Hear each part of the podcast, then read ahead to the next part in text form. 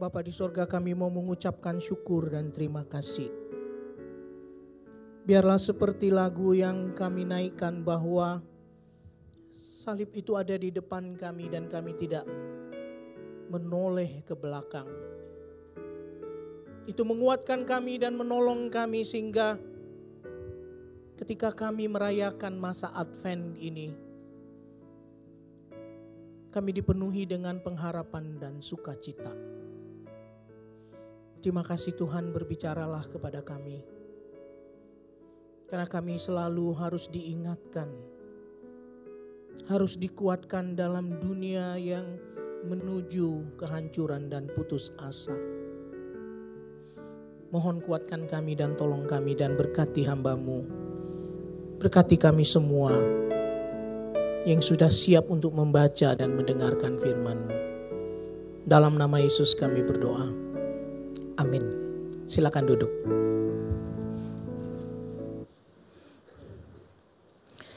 Bapak, Ibu, dan Saudara yang dikasih oleh Tuhan, saya mengucapkan syukur dan terima kasih. Oleh karena hari ini saya bisa berbakti bersama-sama dengan Saudara. Saya baru pertama kali uh, melayani di lingkungan GKBJ dan saya bersyukur oleh karena Tuhan memimpin sampai hari ini. So, saudara, hari ini adalah minggu Advent yang ketiga di gereja sini, walaupun uh, di dalam gereja yang lain kami merayakan atau kita merayakan uh, Minggu Advent yang kedua. Bacaan kita hari ini ialah dari Injil Markus pasal yang ke-13 ayat 24 sampai 37 dengan judul When the Sign Appears. Ketika tanda-tanda itu muncul atau datang. Saudara saya ingin membacakan teks ini untuk kita semua dan saya sudah menyiapkannya di dalam screen kita ayat yang ke-24 sampai 37 dari Injil Markus pasal yang ke-13. Tetapi pada masa itu sesudah siksaan itu, matahari akan menjadi gelap dan bulan tidak bercahaya. Dan bintang-bintang akan berjatuhan dari langit dan kuasa-kuasa langit akan goncang. Pada waktu itu orang akan melihat anak manusia datang dalam awan-awan dengan segala kekuasaan dan kemuliaannya. Dan pada waktu itu pun ia akan menyuruh keluar malaikat-malaikatnya dan akan mengumpulkan orang-orang pilihannya dari keempat penjuru bumi, dari ujung bumi sampai ke ujung langit. Tariklah pelajaran dari perumpamaan tentang pohon ara. Apabila ranting-rantingnya melembut dan mulai bertunas, kamu tahu bahwa musim panas sudah dekat. Demikian juga jika kamu lihat hal-hal itu terjadi, ketahuilah bahwa waktunya sudah dekat, sudah diambang pintu. Aku berkata kepadamu, sesungguhnya angkatan ini tidak akan berlalu sebelum semuanya itu terjadi. Langit dan bumi akan berlalu, tetapi perkataanku tidak akan berlalu. Tetapi tentang hari atau saat itu, tidak seorang pun yang tahu. Malaikat-malaikat di sorga tidak, dan anak pun tidak, hanya Bapa saja. Hati-hatilah dan berjaga-jagalah, sebab kamu tidak tahu bila manakah waktunya tiba. Dan halnya sama seperti seorang yang bepergian, yang meninggalkan rumahnya, dan menyerahkan tanggung jawab kepada hamba-hambanya, masing-masing dengan tugasnya, dan memerintahkan penunggu pintu supaya berjaga-jaga. Karena itu berjaga-jagalah sebab kamu tidak tahu bila manakah tuan rumah itu pulang menjelang malam atau tengah malam atau larut malam atau pagi-pagi buta. Supaya kalau ia tiba-tiba datang, jangan kamu didapatinya sedang tidur. Apa yang kukatakan kepada kamu, kukatakan kepada semua orang, berjaga-jagalah. Saudara sampai sedemikian jauh pembacaan firman Tuhan, orang yang berbahagia ialah orang yang membaca firman Tuhan, merenungkannya dalam kehidupannya sehari-hari dan melakukannya di dalam kehidupannya. So, saudara, minggu Advent ini adalah minggu kita menanti-nantikan kedatangan Tuhan. Minggu dengan penuh pengharapan bahwa satu saat, saudara, kita akan bersama dengan Tuhan. Dan saudara itulah seharusnya yang menjadi kerinduan saudara dan saya. Bahwa satu hari kita meninggalkan dunia ini, kita bersatu dengan Tuhan, kita dilepaskan dari banyak hal yang mengikat kita dalam dunia ini yang membawa kebinasaan. Saudara beberapa waktu yang lalu kalau saudara membaca di media massa, melihatnya di YouTube dan e, di berbagai tempat.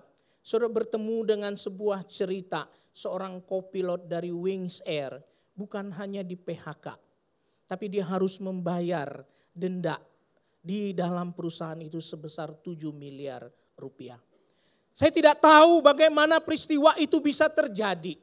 Dan kemudian yang mengagetkan ialah, saya yakin bahwa dia seorang Kristen dari namanya, bahwa dia akhirnya membunuh dirinya dan dia memang tinggal di sekitar Jakarta ini.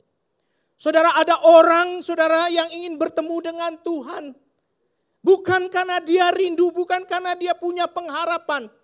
Tapi justru sebaliknya dia kehilangan pengharapan. Dan kemudian dia mengakhiri hidupnya. Tapi saudara bagi kita orang yang percaya. Kita datang, kita mau bertemu dengan Allah Bapa yang mengasihi kita lebih dari segalanya. Dan itu mendatangkan sukacita yang luar biasa. Kemarin waktu saya dijemput di Halim Perdana Kusuma, waktu menunggu saya datang, waktu menunggu saya dijemput, ada dua kejadian yang menggembirakan hati saya. Yang pertama saya melihat ada seorang pemudi yang satu pesawat dengan saya. Waktu turun di Halim dan keluar dari pintu gerbang itu, saudara dia disambut oleh bapaknya. Papanya datang kepada dia, memeluk dia, mencium dia. Dan saya tahu ini anak mungkin sedang kuliah. Entah di UB, Universitas Brawijaya, bukan usia bahagia ya. UB di sana itu Universitas Brawijaya. Di Malang itu walaupun kota kecil kami punya tiga perguruan tinggi negeri. Dan puluhan perguruan tinggi swasta yang lain. Dan jangan lupa 15 sekolah teologi di Kabupaten Malang terbesar di Indonesia. Saudara dia menyambut anaknya, dia memeluk anaknya dan mereka jalan beriringan pergi ke parkir. Tidak lama kemudian saudara saya juga duduk, bukan saya duduk, saya berdiri di situ memperhatikan orang yang keluar dari pintu gerbang itu. Dan seorang papa-papa yang sudah tua, lebih tua dari saya saya yakin. Karena rambutnya sudah lebih putih banyak dari saya. Dia datang, dia keluar, anaknya perempuan datang masih muda dan kemudian peluk papanya dan bawa pergi. Saudara seperti itulah seharusnya kita mengalami sukacita ketika kita tahu bahwa Bapa itu datang untuk menjemput kita. Nah saudara dalam teks yang kita baca ini saudara, kita bertemu dengan tiga hal. Yang pertama anak manusia yaitu Yesus itu akan datang kedua kali. Itu kita sebutkan di dalam pengakuan iman kita tiap-tiap minggu. Aku percaya bahwa dia akan datang kedua kali dan pelajaran ini satu yang penting. Walaupun dalam konteks kita hari ini kita merayakan Natal. Kita mengingat Tuhan itu pernah datang yang pertama kali. Tapi jangan lupa dia datang kedua kali.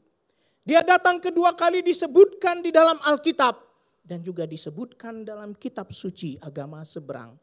Mereka tidak bisa menyangkal karena mereka juga mengatakan nabi itu entah siapa pun namanya akan datang yang kedua kali. Yang kedua kita belajar ayat 24 25 bahwa kedatangan Yesus itu tidak diketahui. Tapi saudara didahului bahwa setelah masa itu ada penyiksaan, ada fenomena alam, ada masalah-masalah politik secara global. Dan setelah itu anak manusia itu akan datang. Ada tanda-tanda. Lalu di dalam ayat-ayat yang kita baca juga ayat 2 ayat yang ke 33 37. Karena waktu yang tepat. Waktu yang tepat kapan anak itu akan datang tidak diketahui maka kita diajarkan untuk berjaga-jaga. Berjaga-jaga menantikan situasi itu atau memperhatikan tanda-tanda kapan dia akan datang. Saudara, seorang filsuf bahasa Ferdinand Saussure, seorang Perancis mengatakan tanda itu selalu punya dua.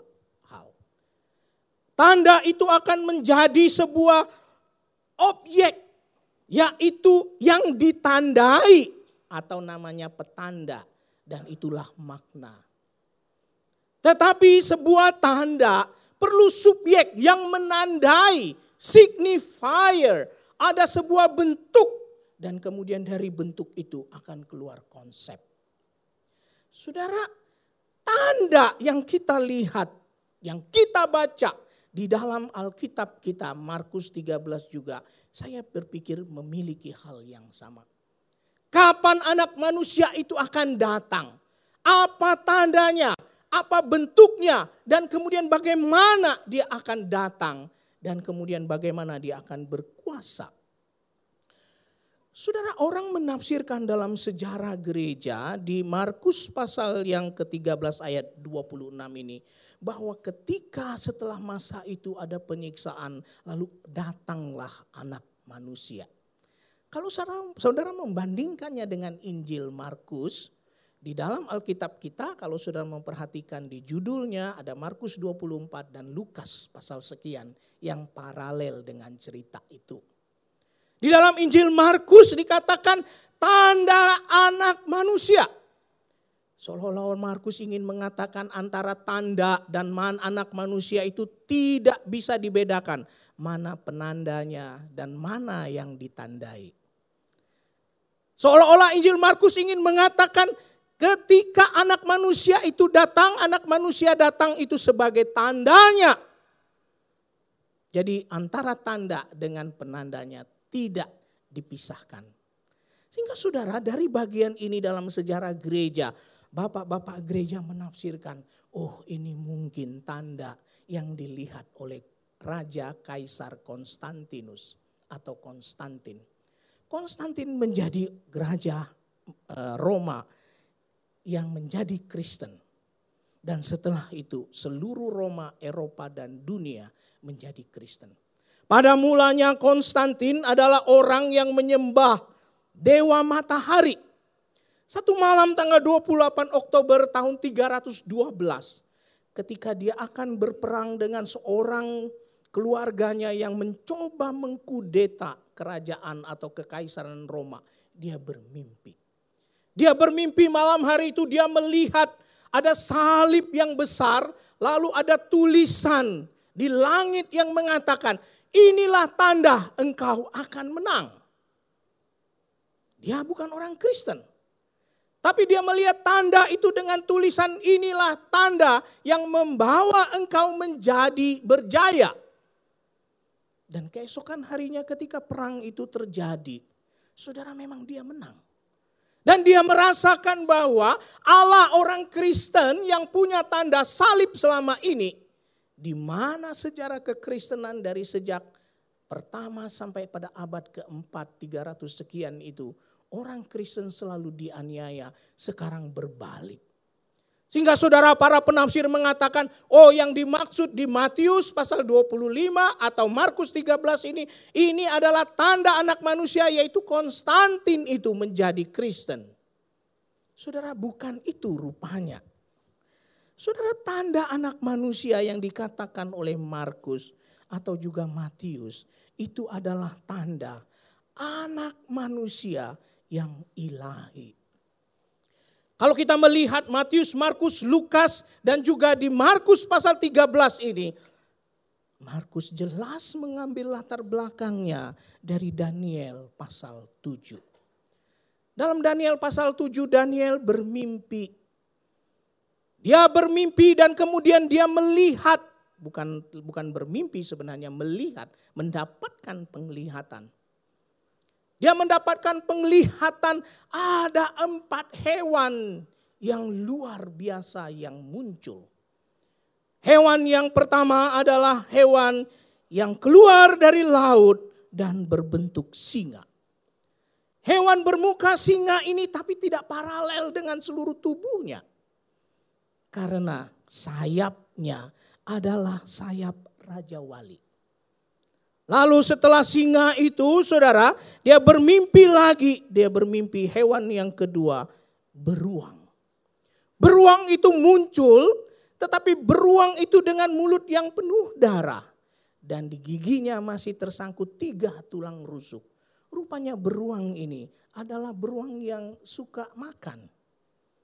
Sehingga dari tiga tulang rusuk itu belum selesai dan mencari lagi hal yang lain.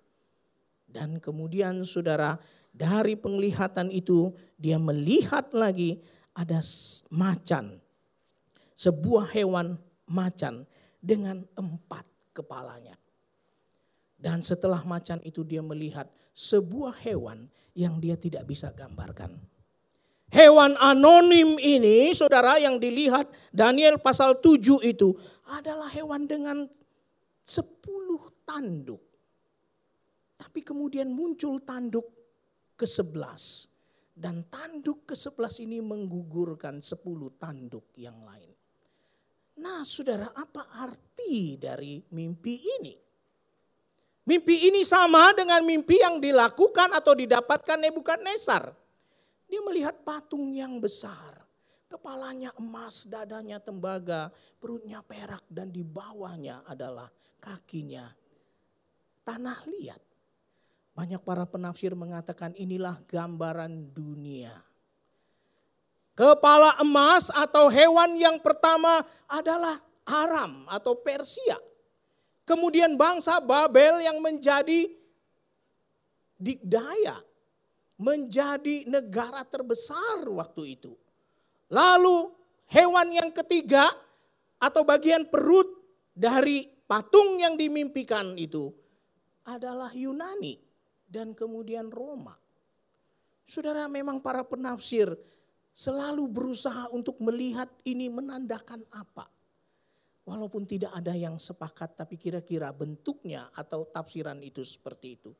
Bahwa yang dilihat itu adalah hewan-hewan atau patung yang menggambarkan situasi dunia. Tapi yang mengherankan ialah di dalam Daniel pasal 7 ini Saudara, setelah Daniel melihat dan bermimpi tentang empat hewan itu. Hewan yang tidak sejajar, tidak paralel, tidak sinkron. Hewan yang tidak bisa digambarkan. Kalau melihat singa, oke. Okay. Tapi kalau melihat ada bentuk hewan yang lain tapi dengan bentuk tubuh yang lain seperti yang pertama. Sayapnya Raja Wali, mukanya bukan muka Raja Wali. Ini satu hewan yang tidak bisa dikenal. Nah saudara yang menentukan ialah kemudian Daniel bermimpi, Daniel melihat ada tahta yang besar. Di atas tahta itu duduk seorang yang dinamakan yang lanjut usia. Nah yang lanjut usia ini saudara akan temukan lagi di Wahyu.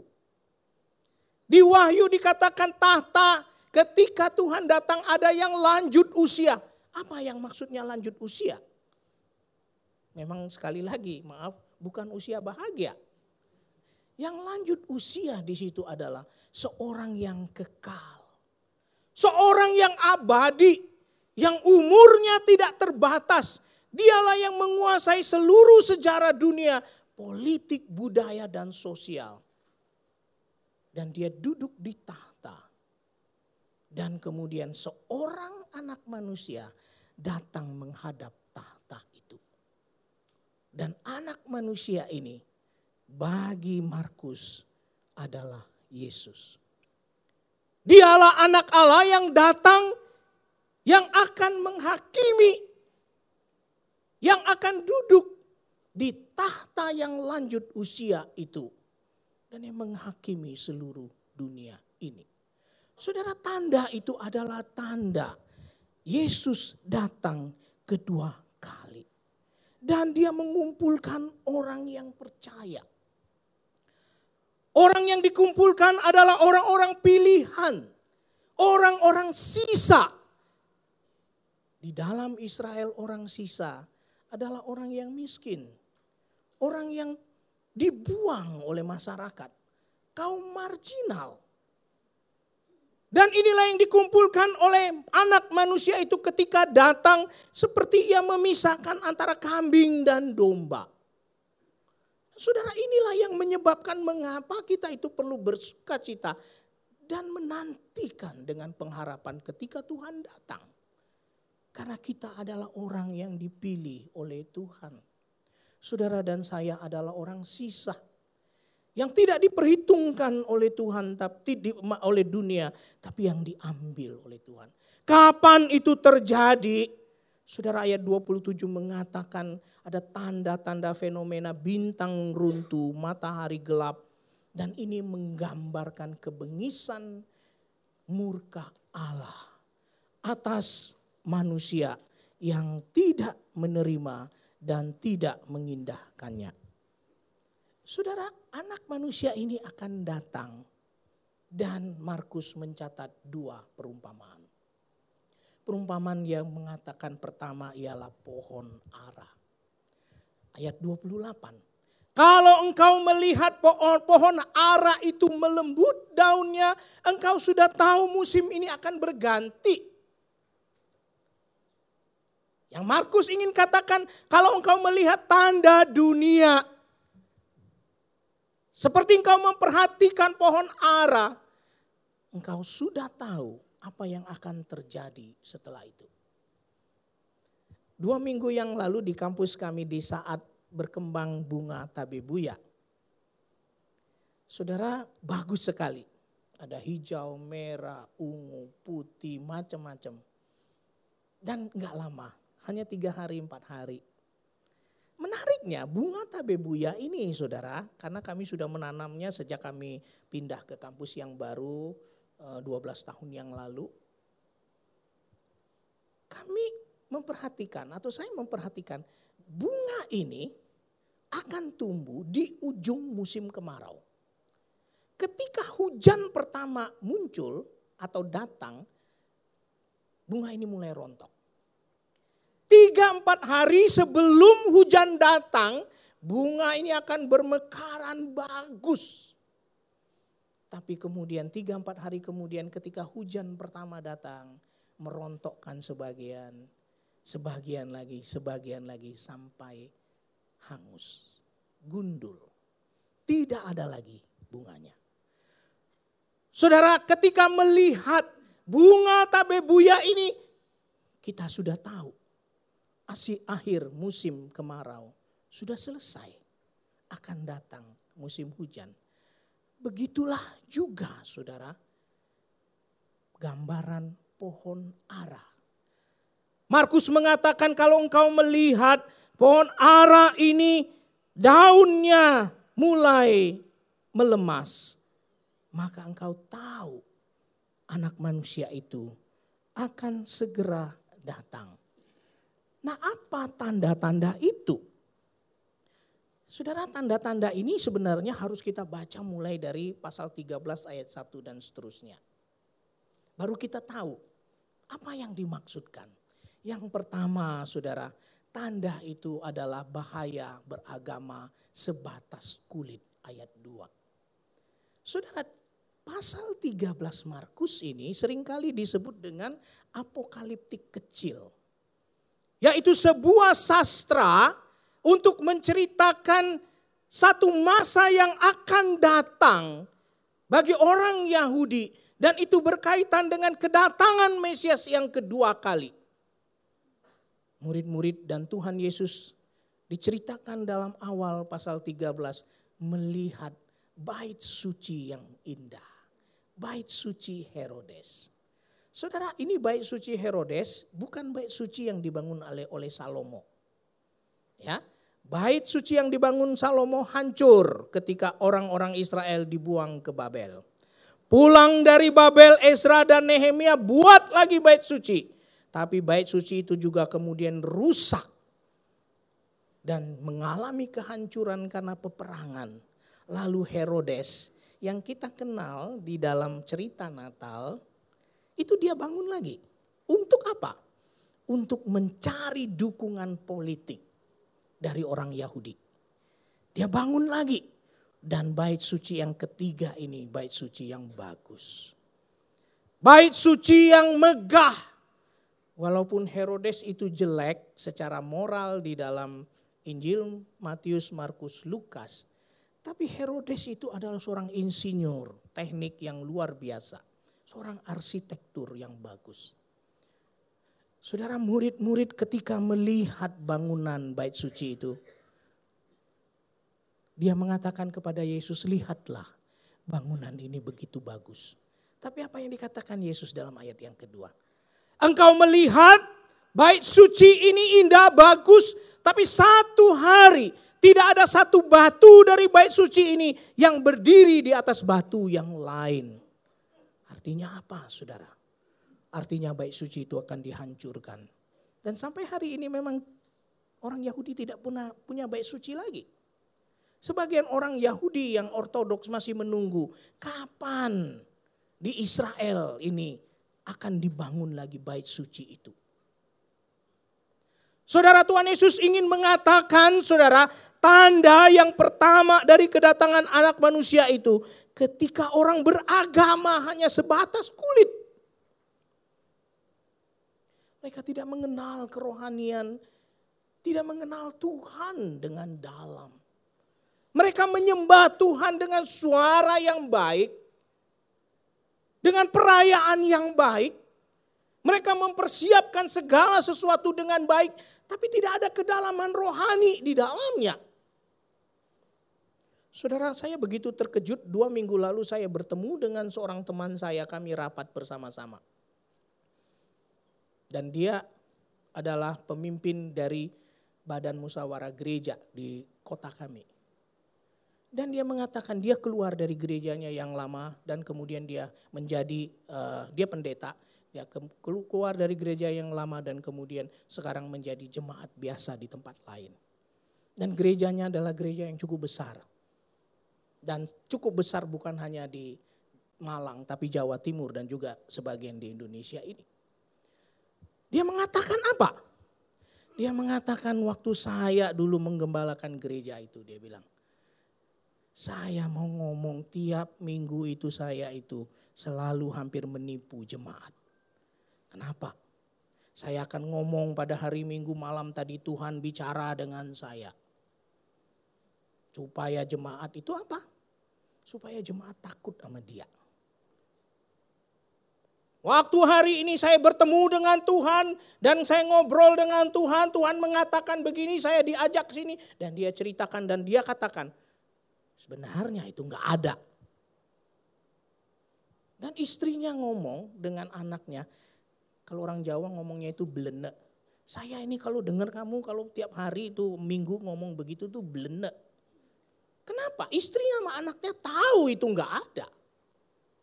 Tapi dia bilang sudah sekarang saya tinggalin. Saya nggak mau lagi. Saya ingin cari Tuhan yang benar. Saudara-saudara, orang beragama sebatas kulit. Orang bisa pindah agama hanya karena menikah. Orang bisa pindah agama hanya karena kedudukan harta. Beragama sebatas kulit. Inilah tanda-tandanya. Nah ini kita lihat. Saudara pemuka agama juga sama. Bukan hanya jemaat. Nah, baru dua minggu yang lalu ada seorang pemuka agama, dia jual tiket ke surga. Ada yang mau beli enggak ya? Saya beli tiket ke Yerusalem aja saya nggak mau nih sampai hari ini. Bagi saya terlalu mahal. Oh, beli tiket untuk pergi ke surga. Dan kemudian untuk apa? Memperkaya diri. Saudara, banyak juga gereja-gereja yang bagus-bagus dibuat dan besar-besar tapi yang memang tidak memiliki kerinduan seperti yang Tuhan inginkan. Ayat yang kelima dan enam menafsirkan ayat 21 dan 23 yang kita baca. Tanda-tanda itu yang kedua adalah Mesias palsu. Mesias palsu ini dia bukan hanya ingin menjadi mirip seperti Yesus, tapi juga dia ingin menggantikan Yesus. Saudara, awal tahun ini, kalau saudara lihat di YouTube, Ada satu pendeta Afrika yang mulai dari 2014 sampai 2019 ini disidangkan. Kenapa? Dia suruh jemaatnya makan tikus, makan rumput, kemudian kalau jemaatnya sakit dia injek-injek. Dia bilang dia penjelmaan dari Mesias. Ketika mata jemaatnya itu sakit, dia semprot dengan bukan dengan hairspray, dengan seperti insektisida. Dan itu masuk dan masuk di pengadilan di Afrika Selatan. Saudara, apakah ini Mesias yang ditunggu-tunggu itu? Tidak, saudara. Nah, tapi saudara bisa berkata, iya ya, kok bodoh banget ya orang mau bisa percaya begitu ya. Masa dia nggak bisa berpikir? Saudara, antara pikiran dan hati sering gak nyambung. Itu masalahnya. Saudara ini Mesias yang palsu. Mengapa saya mau ngomong begitu? Saya pikir Tuhan itu menghargai tubuh. Tuhan itu menghargai yang kelihatan, betul. Tapi juga Tuhan melihat juga yang di dalam hati manusia. Saudara, dia ingin menggantikan ajaran yang benar dengan ajaran yang pura-pura mirip kebenaran. Tahun 2012 dikatakan diajarkan oleh sebuah sekte Almighty God di China 20 Desember 2012 itu adalah hari kiamat. Jadi mirip dengan 212 tuh. Ya, tuh 20 Desember 2012 tuh mirip, ya. Nah, Saudara, dia mengajarkan Injil, mengajarkan orang percaya. Tapi juga dia menafsirkan kitab Wahyu pasal 17 dan seterusnya. Naga merah yang dikalahkan oleh anak manusia itu adalah pemerintah komunis. Jelas saja pemerintah RRC menjadi marah dan menangkap mereka. Tapi kemudian bau dari ajaran ini muncul. Bahwa ajaran ini menggunakan perempuan-perempuan di gerejanya untuk menjerat orang-orang lajang supaya jadi ikut dalam gerejanya. Dia juga menggunakan banyak cara-cara yang lain yang begitu duniawi untuk sekte ini. Saudara ini gambaran dari Mesias palsu dan begitu banyak Mesias palsu yang muncul. Saudara inilah yang terjadi. Tanda yang ketiga, tanda dari pohon ara itu. Ketika kita lihat ayat 24, 25, itu menunjuk pada ayat 7 dan ayat 8. Ada kekacauan dunia. Kekacauan dunia ini fenomena alam apa yang terjadi di dunia ini saudara, itu sama sekali berbeda daripada waktu-waktu yang lalu. Lalu fenomena ini juga berkaitan dengan fenomena politik dan sosial. Tanda ini menjadi tanda bahwa akhir zaman Tuhan akan datang kedua kali itu sudah diambang pintu. Sudah diambang pintu yang dipakai itu artinya sebenarnya dia sudah ada di sana. Dia tinggal masuk. Saudara inilah tandanya fenomena astronomi politik yang dipergambarkan di dalam ayat-ayat ini. Tanda berikutnya dari tanda pohon ara ini yaitu ayat 9 sampai 13 yaitu bahaya menyangkal iman orang-orang Kristen dipaksa untuk menyangkal imannya. Entah dengan sengaja, entah dengan kekerasan atau tidak. Saudara tadi saya bercerita dan karena memang ini yang menjadi concern saya satu dua tahun terakhir. Apa yang terjadi sebenarnya di Indonesia itu sebenarnya terjadi di Asia Tenggara dan bagian dunia ini. Nah, ya yang ter, yang saya ingin katakan seorang yang bernama Asia Bibi. Kalau saudara men-search, saudara akan lihat Wikipedia dan macam-macam tentang seorang perempuan ini. Ini orang Pakistan. Dan kemudian gara-gara kasusnya dia itu di Pakistan itu jadi heboh politiknya. Jadi mirip Ahok itu bikin heboh politik, nah itu sama dia juga. Tapi dia lebih dulu memang. Dan itu rupanya mencontohi apa yang terjadi di Jakarta, itu persis mencontohi seperti yang ada di Pakistan di mana orang-orang berbondong-bondong jutaan demonstrasi tiap minggu. Mirip. Jadi sebenarnya nggak beda. Nah apa yang terjadi dengan Asia Bibi ini? Dia ini seorang Kristen, dia orang miskin, dia bekerja di perkebunan. Dan teman-temannya perempuan yang lain memang bukan beragama Kristen. Lalu saudara, di tengah perkebunan itu ada sumur. Sumur itu kalau haus biasanya pergi ke sumur itu ambil minum dan minum. Dan di pinggir sumur itu biasanya ada cangkir. Cangkir itu sangat biasa dipakai oleh orang-orang lain untuk minum. Satu hari dia ambil, dia pergi ke sumur itu, dia ambil air dan kemudian dia minum di cangkir itu. Nah ada seorang dari antara teman kebunnya itu yang kemudian mengatakan kamu minum bekas cangkir dan itu membuat haram. Lalu saudara, persoalan minum di pinggir sumur itu yang menuduh Asia Bibi membuat haram itu menjadi isu politik luar biasa. Sampai Perdana Menteri dan menteri-menteri beberapa kali dibunuh dan terjadi pergolakan politik luar biasa. Dan mereka minta Asia Bibi, kalau kamu tidak jadi Kristen, tidak jadi tidak masuk agama kita, kamu tetap akan seperti ini. Dan dia bilang tidak mau. Sampai dia tidak bisa keluar, dia diadili, dia tidak pernah diadili, dia dipenjarakan, sampai dibawa lari keluar. Itu tidak bisa keluar Pakistan, dibantu oleh oleh beberapa human right, uh, kelompok human right So, saudara, ini penganiayaan yang luar biasa. Dan saudara itu akan terjadi ya. Itu terjadi. Dan kita juga mengalami itu. Dan orang akan dihadapkan dengan saudaranya. Dengan ayah ibunya.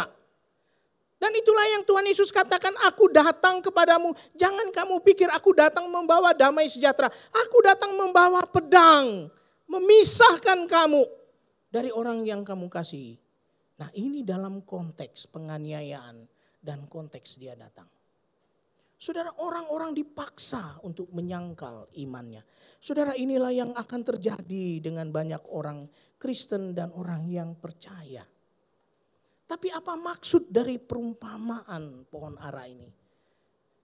Perumpamaan ini ingin mengatakan segala sesuatu itu menjadi tanda anak manusia itu pasti datang.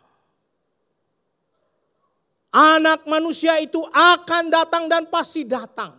Tapi persoalannya ayat 32 tidak tahu kapan waktunya.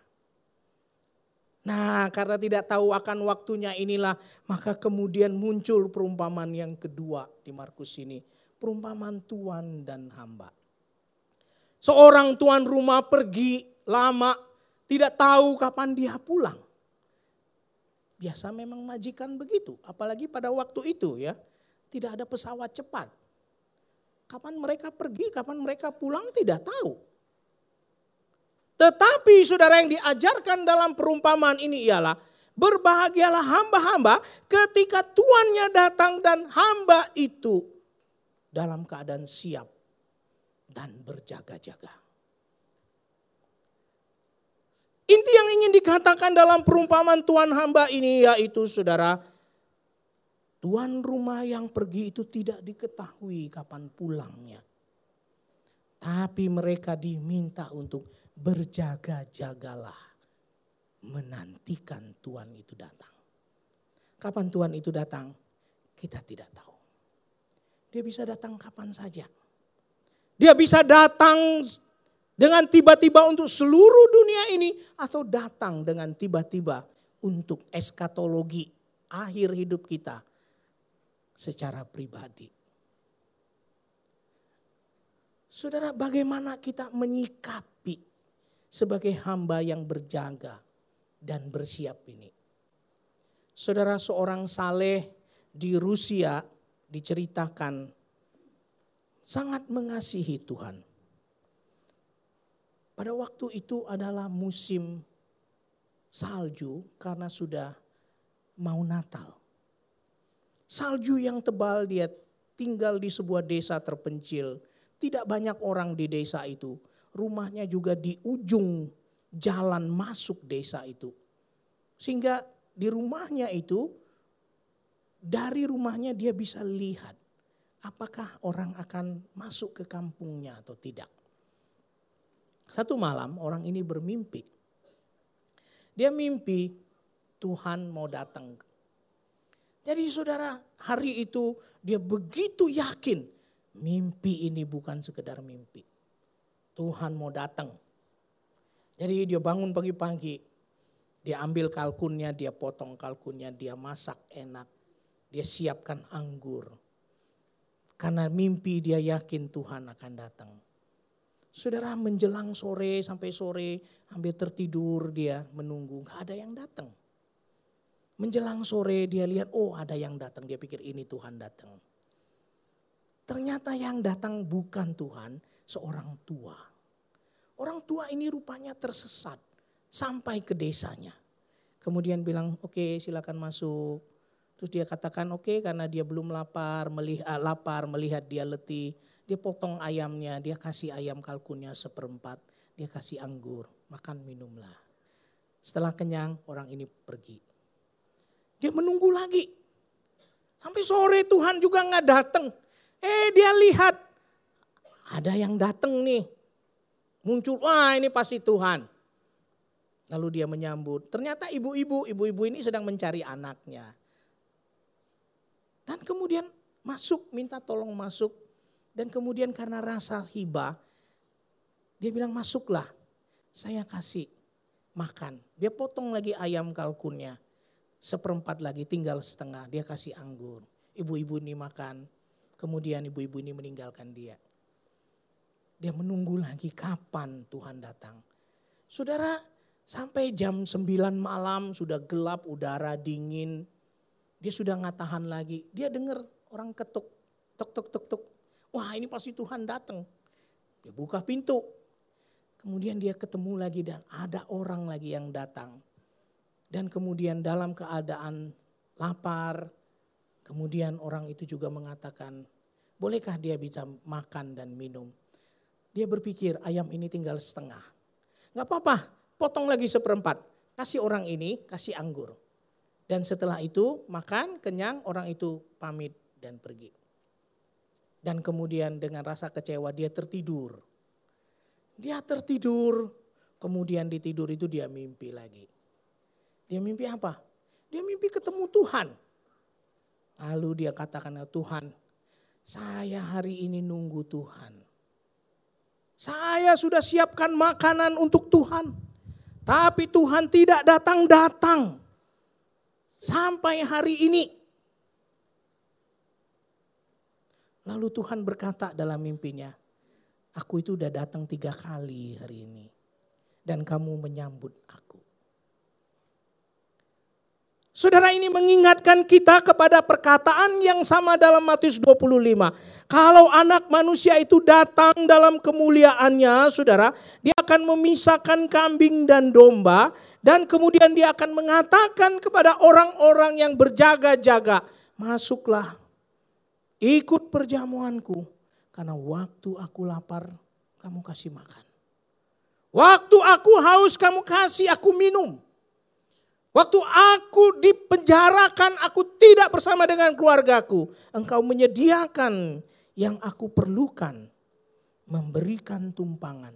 Waktu aku telanjang, kamu memberi aku pakaian. Waktu aku sakit, kamu melawat aku. Aku dalam penjara, kamu mengunjungi. Itulah yang dikatakan oleh Tuhan itu kepada hambanya yang setia. Saudara, kalau kita berjaga-jaga dan menantikan Tuhan, bagaimana sikap kita? Kita duduk diam, tidak melakukan apa-apa. Tidak. Ya. Justru di akhir zaman ini di mana kasih banyak berkurang. Orang hidup di dalam kepura-puraan. Hubungan ayah dan ibu tidak baik. Hubungan ayah dengan anak tidak baik. Hubungan anak satu dengan anak yang lain tidak baik. Justru di situlah kita harus menjadi terang. Ketika akhir zaman ini, sebelum Tuhan datang penyiksaan itu semakin merajalela. Banyak orang-orang menderita. Di situlah kita boleh menampakkan kasih Kristus. Dan dengan itu kita sedang berjaga-jaga dan menantikan Tuhan. Saudara, dari sini kita belajar bahwa Tuhan Yesus akan datang kedua kali. Itulah pengharapan kita. Dan kita melihat tanda-tanda itu terjadi. Sejak dari dia datang pertama sampai dia datang kedua kali. Tapi kita belajar juga kapan dia datang itu kita nggak tahu waktunya. Tapi saudara kita diminta untuk berjaga-jaga. Mari kita tundukkan kepala kita dan kita berdoa. Tuhan terima kasih. Seringkali kami sebagai hambamu, sebagai anak-anakmu tertidur letih, lelah. Karena persoalan-persoalan yang kami hadapi sendiri tidak bisa kami atasi, apalagi kami diminta untuk berjaga-jaga dan melakukan perbuatan untuk menunggu Tuhan kami datang kedua kali. Tapi Tuhan tolong kami supaya pelita kami tetap menyala seperti lima gadis yang bijaksana yang menunggu Tuhannya untuk datang. Tuhan pengharapan itu sering mati dalam hati kami ketika kami putus asa melihat situasi di sekitar kami. Tapi Tuhan kau tolong kami. Supaya kami semangat. Kami menantikan pengharapan. Tuhan Yesus datang kedua kali. Tuhan yang mengasihi kami. Dan yang memberikan segala yang kami rindukan selama ini. Yang tidak pernah kami dapatkan di dalam dunia. Tapi dipenuhi oleh kasih-Mu. Tolonglah kami ya Tuhan supaya kami semakin takut, semakin hidup sesuai dengan firman-Mu dan melakukan apa yang Tuhan perintahkan dalam hidup kami. Berkatilah jemaat-Mu di sini ya Tuhan. Dalam nama Yesus kami berdoa. Amin.